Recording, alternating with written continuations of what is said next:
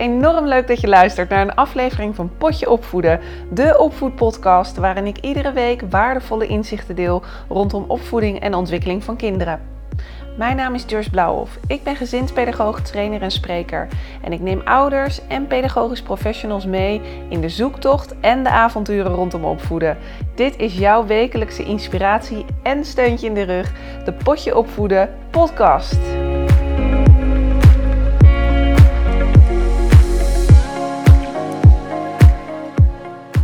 Hey, ontzettend leuk dat je weer luistert naar een aflevering van Potje Opvoeden.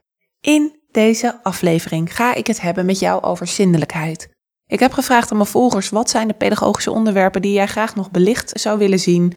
En daar stond ook het onderwerp zindelijkheid tussen. Dus in deze podcast wil ik met jou inzichten delen rondom dit proces bij kinderen. Wat toch ook wel een hele belangrijke eerste mijlpaal is in de ontwikkeling als we kijken naar wat kinderen kunnen leren beheersen. Ik wil je ontzettend danken voor jullie ontzettend leuke, lieve reacties op de podcast. Als ik kijk naar de aflevering Boost het spel van je kind, aflevering 6 uit mijn hoofd. Je moet maar even doorscrollen als je die aflevering nog niet hebt geluisterd op de website of op Spotify-account of binnen je Google, je Apple eh, podcast-account. Mensen hebben mij foto's toegestuurd. Jullie zijn flink aan de slag gegaan met het opnieuw inrichten van de speelgoedkasten. Er is flink opgeruimd ook en ik ben deelgenoot geweest van de mooie dingen die zijn ontstaan en de foto's heb ik gezien. Ik vind dat ontzettend leuk. Dus op het moment dat jij deze podcast luistert en je hebt wat aan de inzichten, deel dat ook op social media, want daarmee inspireer je ook anderen. Een volger stuurde mij een berichtje via Facebook en daar wil ik heel graag mee starten. Ik zal hem even voorlezen. Hoi Joyce, ik heb een vraagje over mijn jongste dochter. Die gaat sinds kort naar school. Dat gaat heel goed. Ontzettend fijn om dat soort berichten altijd te lezen. Het probleem is dat zij nu elke keer op school in haar broek plast en vandaag ook gepoept heeft in haar broek. Heb jij misschien een tip voor mij hoe ik hier het beste mee kan omgaan om haar te helpen, zodat het niet meer gebeurt? Ik heb met haar ook rustig gezeten om te vragen waarom ze niet naar de wc gaat, maar dat kan ze niet zo goed uitleggen. Ik heb ook met de juf besproken om haar wat vaker naar de wc te laten gaan en dat er een kindje met haar mee kan lopen. Dit alles heeft helaas nog geen effect. Ik hoor graag de tips hoe ik hiermee om kan gaan. Ja, een ontzettend vervelend uh, probleem voor jou als opvoeder, maar zeker ook voor je dochter. Want ja, zo'n overgang naar school is al een ontzettend intense ervaring hè, voor een kind van vier. Er gebeurt natuurlijk ontzettend veel. Het moet wennen aan de groep, de kinderen die er zijn, aan de juf. Het is een hele stressvolle gebeurtenis als we kijken door de ogen van kinderen. En waar kan het dan misgaan? Dat is ook op het gebied van zindelijkheid kinderen die al zindelijk zijn, die vallen dan terug in natte broeken, maar dus ook in jouw geval het echt het broek poepen. En om er dan achter te komen wat de oorzaak is, is soms een zoektocht. En daar kom je dus ook niet altijd achter. Maar het feit blijft wel dat het zorgt voor frustratie. Frustratie bij zowel hè, jou, want je wilt natuurlijk heel graag je vindt het ook denk ik vervelend voor je dochter dat ze dat moet meemaken. Ten opzichte ook van andere kinderen, maar ook zeker voor je dochter. Want ja, je hoopt ook dat zij niet een soort van minderwaardigheidscomplex krijgt erdoor. Nou, wat je ziet bij broekpoepen is dat het kan zijn omdat die overgang is hè, vanuit angst. Maar het kan ook zeker zijn dat er een obstipatieprobleem is. Er zijn ook poeppolies bijvoorbeeld. Afdelingen binnen ziekenhuizen die gespecialiseerd zijn om dit soort zaken te begeleiden. En jou als ouder daarin ook tools en handvatten te geven. Dus allereerst zou mijn eerste tip ook zijn om er niet te lang mee door te lopen. Dus zeker als je merkt van nou, dit duurt al een aantal weken, dan zou ik je huisarts raadplegen. Belangrijk is om er geen druk op te leggen. En ik denk dat dat wel een van de moeilijkste dingen is, om er geen groot probleem van te maken. Want je snapt op het moment dat wij als volwassenen er een groot probleem van maken dat kinderen ongelukjes hebben, dat de druk voor een kind ook toeneemt. En die druk is voor een kind niet fijn om te ervaren. Er gebeurt natuurlijk al heel veel in het leven van je dochter. Dus mogelijk is dit ook iets wat weer voorbij gaat. De andere kant is dat je moet kijken of er dus niet een obstipatieprobleem is. op het moment dat er verstopping is, dan weten we dat niet altijd. Kinderen kunnen dan wat minder gaan eten dagen. Vervolgens, na een aantal dagen, is er zeker wel wc-gang, maar dan is dat gewoon ontzettend naar en heel vervelend. En dan begint het proces weer opnieuw. Het kind eet weer een aantal dagen goed en vervolgens zie je weer dat het wat last heeft van de buik, misschien wat meer ongelukjes heeft. En ja, dan is de ontlasting er weer uit en dan begint het weer opnieuw. Wat ik hiermee wil zeggen is, ga ook zeker naar een huisarts toe op het moment dat je denkt dat het een medisch probleem is. Soms zeggen ze op de poepolie ook wel dat het mogelijke verstoring in de zindelijkheidstraining ook kan zijn. Wat er gebeurt op het moment dat wij van kinderen verlangen dat zij zindelijk worden, er zijn allerlei trainingen ook. Er zijn uh, ouders, volwassenen, die hun kind al vroeg trainen. Mijn moeder bijvoorbeeld. Ik wist dat mijn moeder uh, zei tegen mij: Nou, Joyce, jij was echt heel vroeg uit de luiers. Dat wilden we ook, want er was niet zo heel veel geld. En luiers kosten nou eenmaal veel geld. Mits je natuurlijk katoenen luiers gebruikt, maar dat was niet zo. Dus ik hoorde van mijn moeder ook van: Ja, dat mijn zusje en ik vrij snel zindelijk waren. Je ziet wel tegenwoordig dat de zindelijkheid ietsje later is. Hè? Gemiddeld een jaar tot anderhalf jaar zijn de kinderen nu later zindelijk. En waar dat door komt, dat is natuurlijk de vraag. We weten allemaal dat kinderen, hè, er wordt verlangd van kinderen dat ze zindelijk zijn op het moment dat ze naar school toe gaan. En die snap ik ook, want als jij een klas hebt vol met kinderen en er zijn kinderen nog niet zindelijk, ja, dan is dat best een pittige taak. Ik denk dat kleuterjuffen en meesters eh, regelmatig de tekst horen: juf of meester, ik heb in mijn broek geplast. En er is ook een onderzoek geweest waaruit blijkt dat 38% van de kleuterklasleraren heeft kinderen in de klas zitten die nog niet zindelijk zijn. En dat is gemiddeld genomen twee kinderen per kleuterklas. En zij zijn gemiddeld 25 minuten per week kwijt aan het verschonen van leerlingen. En 30% geeft aan dat ze dagelijks te maken hebben met ongelukjes. En ze zijn er niet blij mee, want ja, het lesprogramma wordt verstoord. En sommigen zeggen ook dat verschonen hoort niet bij mijn taak. Dus uit onderzoek blijkt ook dat de Nederlandse kinderen gemiddeld steeds later zindelijk worden. In de jaren 80 was 1 op de 11 kleuters nog niet zindelijk in de eerste groep van de basisschool. En nu is dat naar schatting 1 op de 5 tot 6. De luiers van tegenwoordig die zijn ook ontzettend goed. Hè? Als ik merk, die zijn bijna gewoon droog op het moment dat kinderen geplast hebben. Voelt een kind eigenlijk ook niet meer dat ze geplast hebben. Ik denk ook dat een reden is dat het tegenwoordig is dat, ja, beide ouders werken, hebben het ontzettend druk. Er is gewoon wat minder tijd voor zindelijkheidstraining. Ik denk wel dat je ook een vraag moet stellen bij jezelf als opvoeder. En daar zit ik nu zelf ook een beetje in. Ben ik klaar voor zindelijkheidstraining? Ook natuurlijk het kind, hè? Het kind is leidend in dit proces. Hij of zij geeft signalen af waaruit blijkt dat ze klaar zijn om zindelijk te worden. En dan is het wel belangrijk dat wij als volwassenen daarin het kind de tijd kunnen geven om dat aan te gaan. En dat wij tijd vrijmaken om dat proces aan te gaan. Want we moeten vooral ook kijken naar een aantal signalen die kinderen kunnen geven. Daar ga ik zo direct nog wat meer over vertellen. Maar de vraag vooraf is ook: ben ik klaar voor zindelijkheidstraining? Want op het moment dat ik met Tijn, mijn zoontje, dat wil gaan oefenen, dan betekent het dat ik hem mag aanmoedigen om naar de wc te gaan op gezette tijden. Dat er ongelukjes gebeuren. Dat er natte kleren komen, dat dat verschoond moet worden. Dus dat is allereerst ook een vraag van ben ik klaar voor zindelijkheidstraining? Deze vraag stellen is helpend. Want dat maakt jezelf ook klaar om te zeggen: Oh ja, hier ga ik ja, in mee en ik weet dat dit tijd gaat kosten. Maar dus ook die luiers, die tegenwoordig gewoon ontzettend goed zijn. Want kinderen voelen bijna helemaal niet meer dat ze nat zijn. Eén tip die ik heb meegekregen uit de opvoedwinkel. Ik heb een tijd in een opvoedwinkel, opvoedspreekuren gedraaid in Rotterdam. Onwijs leuke tijd was dat. Eén tip die ik heb onthouden is om kinderen eerst een onderbroekje aan te laten doen en daaroverheen de luier. Want op het moment dat een kind plast, dan voelt het in ieder geval nog die natte onderbroek. Nou, en je weet waarschijnlijk zelf, natte kleding, oh, als ik er nu alweer aan denk, zeg maar. Nat iets aandoen of hè, voelen is iets ja, wat een onprettig gevoel is. Ik weet wel dat ik dan vroeger als kind hè, een badpak en dan moest ik naar de wc en dan moest je je natte badpak weer aandoen. Zo'n onderbroek die dan nat wordt, geeft een onprettig gevoel. En vanuit daar leren kinderen dan steeds beter het signaal op te pikken. Ik vond dat zelf ook wel een hele goede tip.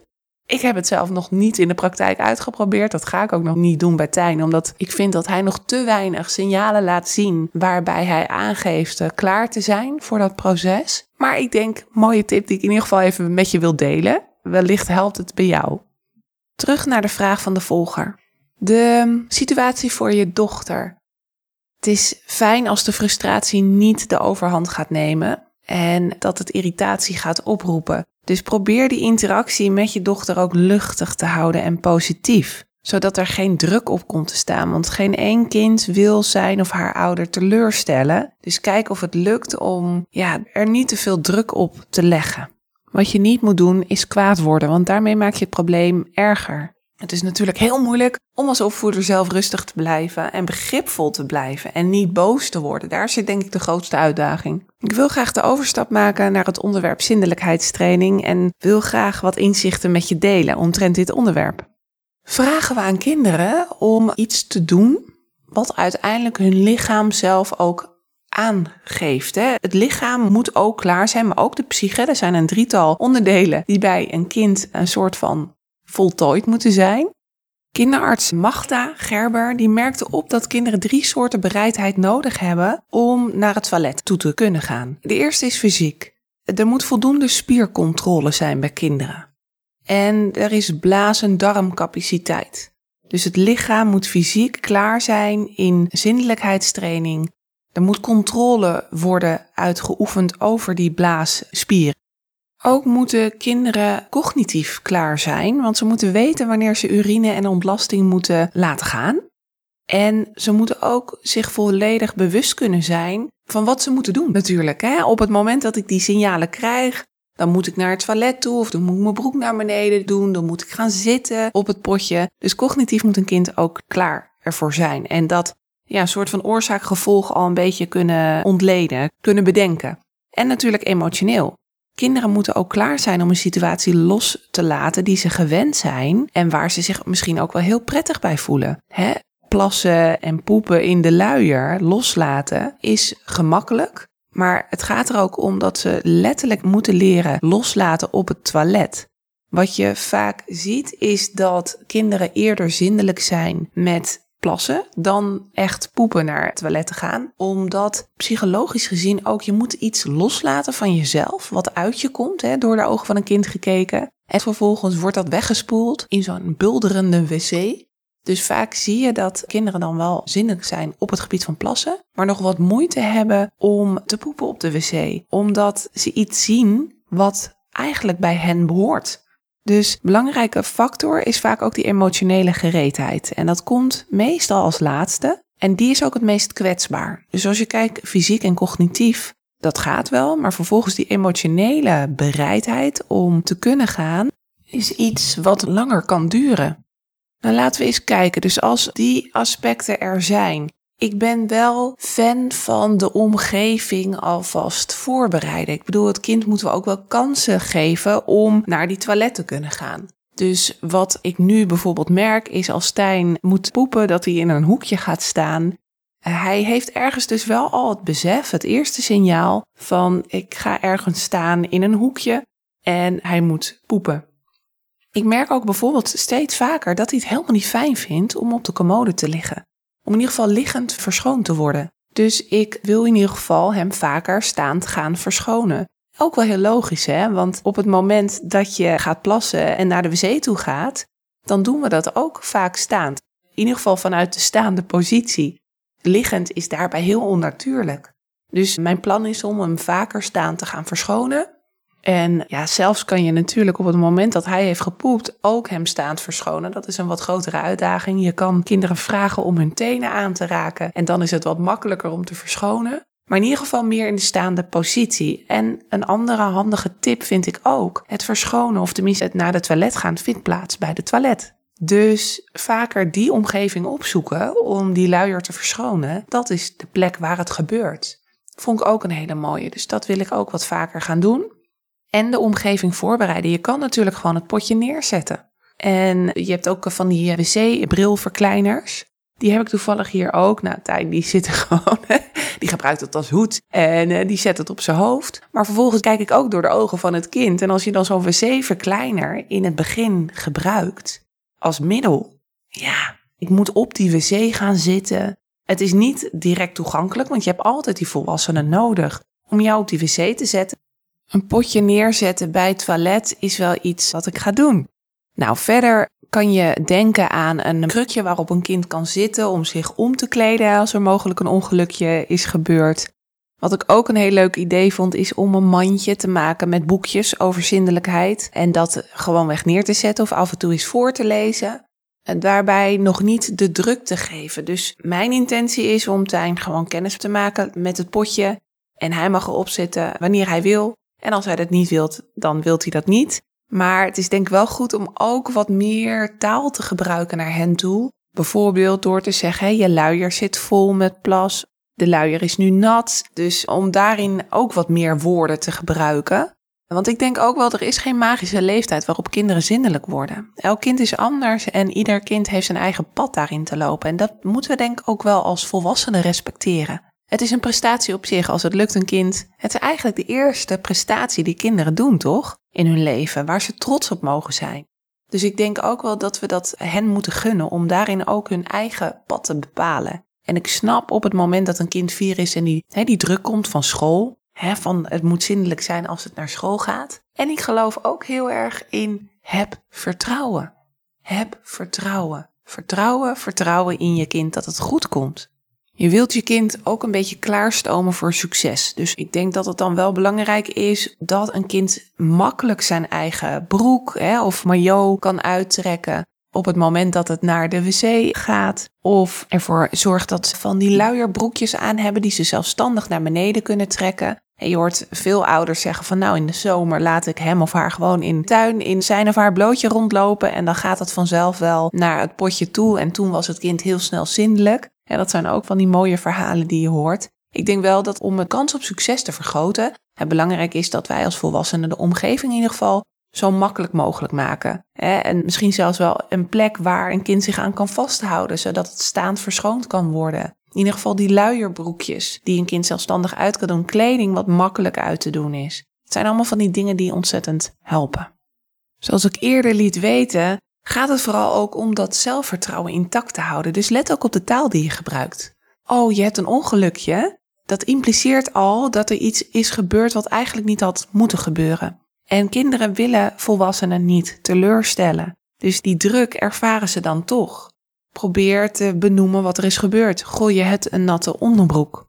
Dan leg je meer de nadruk op hetgeen wat is gebeurd, feitelijk, dan op de sensatie. Oh, je hebt een ongelukje.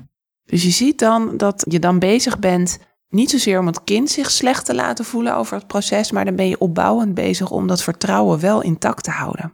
Eén groot proces van geduld hebben en je focussen, blijven focussen op die successen die plaatsvinden. Kinderen kunnen soms een aantal dagen kan het goed gaan en dan is er weer een terugval. Het is belangrijk om daar niet te veel aandacht aan te besteden. Ook als je kijkt naar aandacht besteden in successen. Ik weet dat er methoden zijn waarbij we kinderen stickers geven hè, op het moment dat ze een succeservaring hebben gehad tijdens de toiletgang. De andere kant is natuurlijk ook, en daar wil ik je over aan het denken zetten, dat die successen, die komen door druk van externe. Wij volwassenen vinden het ontzettend knap als een kind dat heeft gedaan. En een kind wordt daarvoor beloond. Ik geloof vooral dat de beloning ook ligt in de trots dat ze onafhankelijk worden. Het is ook zo dat iedere keer wanneer zo'n kleintje dan een succeservaring heeft, dan verwacht het een beloning. Dus ja, het is wel iets waar je ook als opvoeder over na moet denken. Wat is mijn visie hierop? Wil ik beloningen geven, zodat het proces wellicht heel snel kan gaan. Hè? Want belonen van gedrag, het conditioneren van kinderen is dan wat je doet, heeft snel effect.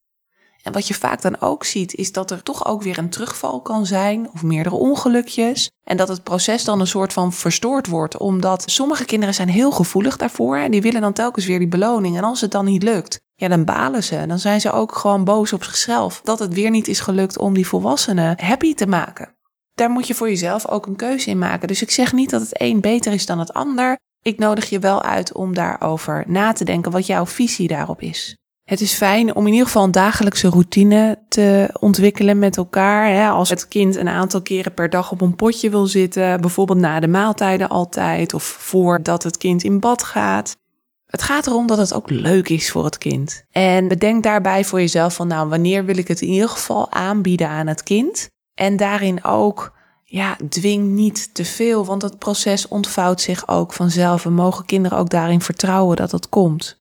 Dus het hele zindelijkheidsproces is oefenen, oefenen, oefenen. En het is geen wedstrijd. Het ene kind is eerder zindelijk dan het andere kind. En ja, maak het proces vooral enorm, enorm leuk. Levert het proces veel strijd op, laat het los. En kijk of je ja, daarin alles even kan loslaten om vervolgens uiteindelijk weer opnieuw te beginnen. Dat kan soms enorm helpen. Samenvattend, als we kijken naar wat ik heb besproken in deze aflevering, nog even de punten op een rij voor jou.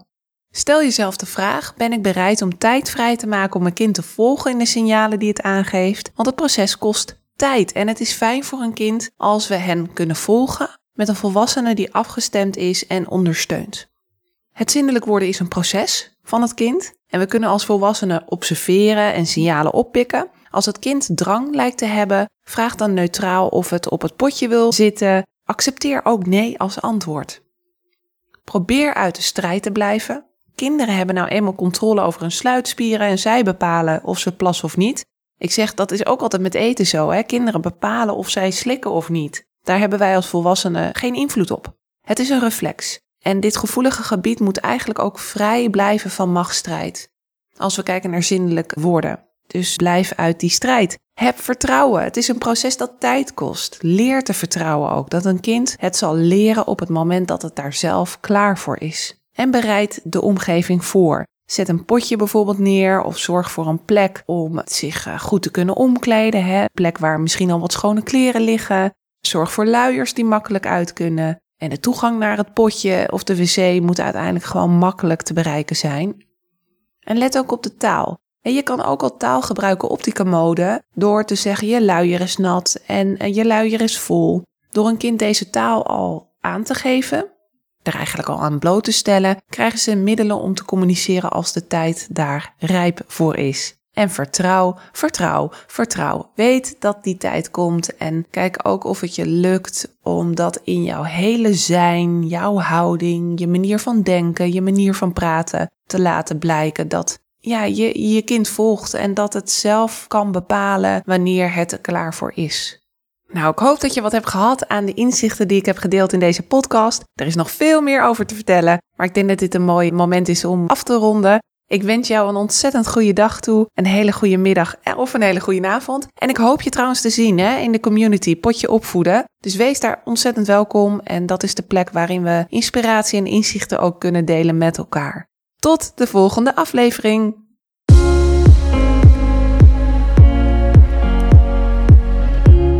Hey, wat ontzettend leuk dat je hebt geluisterd. Bedankt daarvoor. Nog een paar dingen die ik graag met je wil delen. Wil je alle afleveringen overzichtelijk onder elkaar? Abonneer je dan op deze podcast. Klik in jouw podcast-app op de button subscribe of abonneren en je ontvangt dan automatisch een berichtje als er een nieuwe aflevering online komt. Mijn missie is om zoveel mogelijk ouders en pedagogisch professionals te helpen bij het opvoeden van kinderen. En om mijn missie te bereiken, helpt het als jij een review wilt achterlaten via de app waarmee je deze podcast luistert. Ken je nou iemand voor wie deze aflevering interessant is? Dan zou het fijn zijn als je hem of haar deze aflevering doorstuurt, door bijvoorbeeld de link te kopiëren in Spotify. Ik zou het ook gaaf vinden als je een screenshot deelt als je deze podcast luistert en deelt via social media. Ik vind het altijd leuk om een berichtje van je te ontvangen, om te horen wat je van deze podcast vindt en of je misschien zelf vragen of suggesties hebt. Stuur mij een berichtje via mijn website jblauwhof.nl. Dat is kleurblauw en hof met dubbel F. jblauwhof.nl of via mijn Instagram pagina Joyce Blauwhof. Tot de volgende aflevering.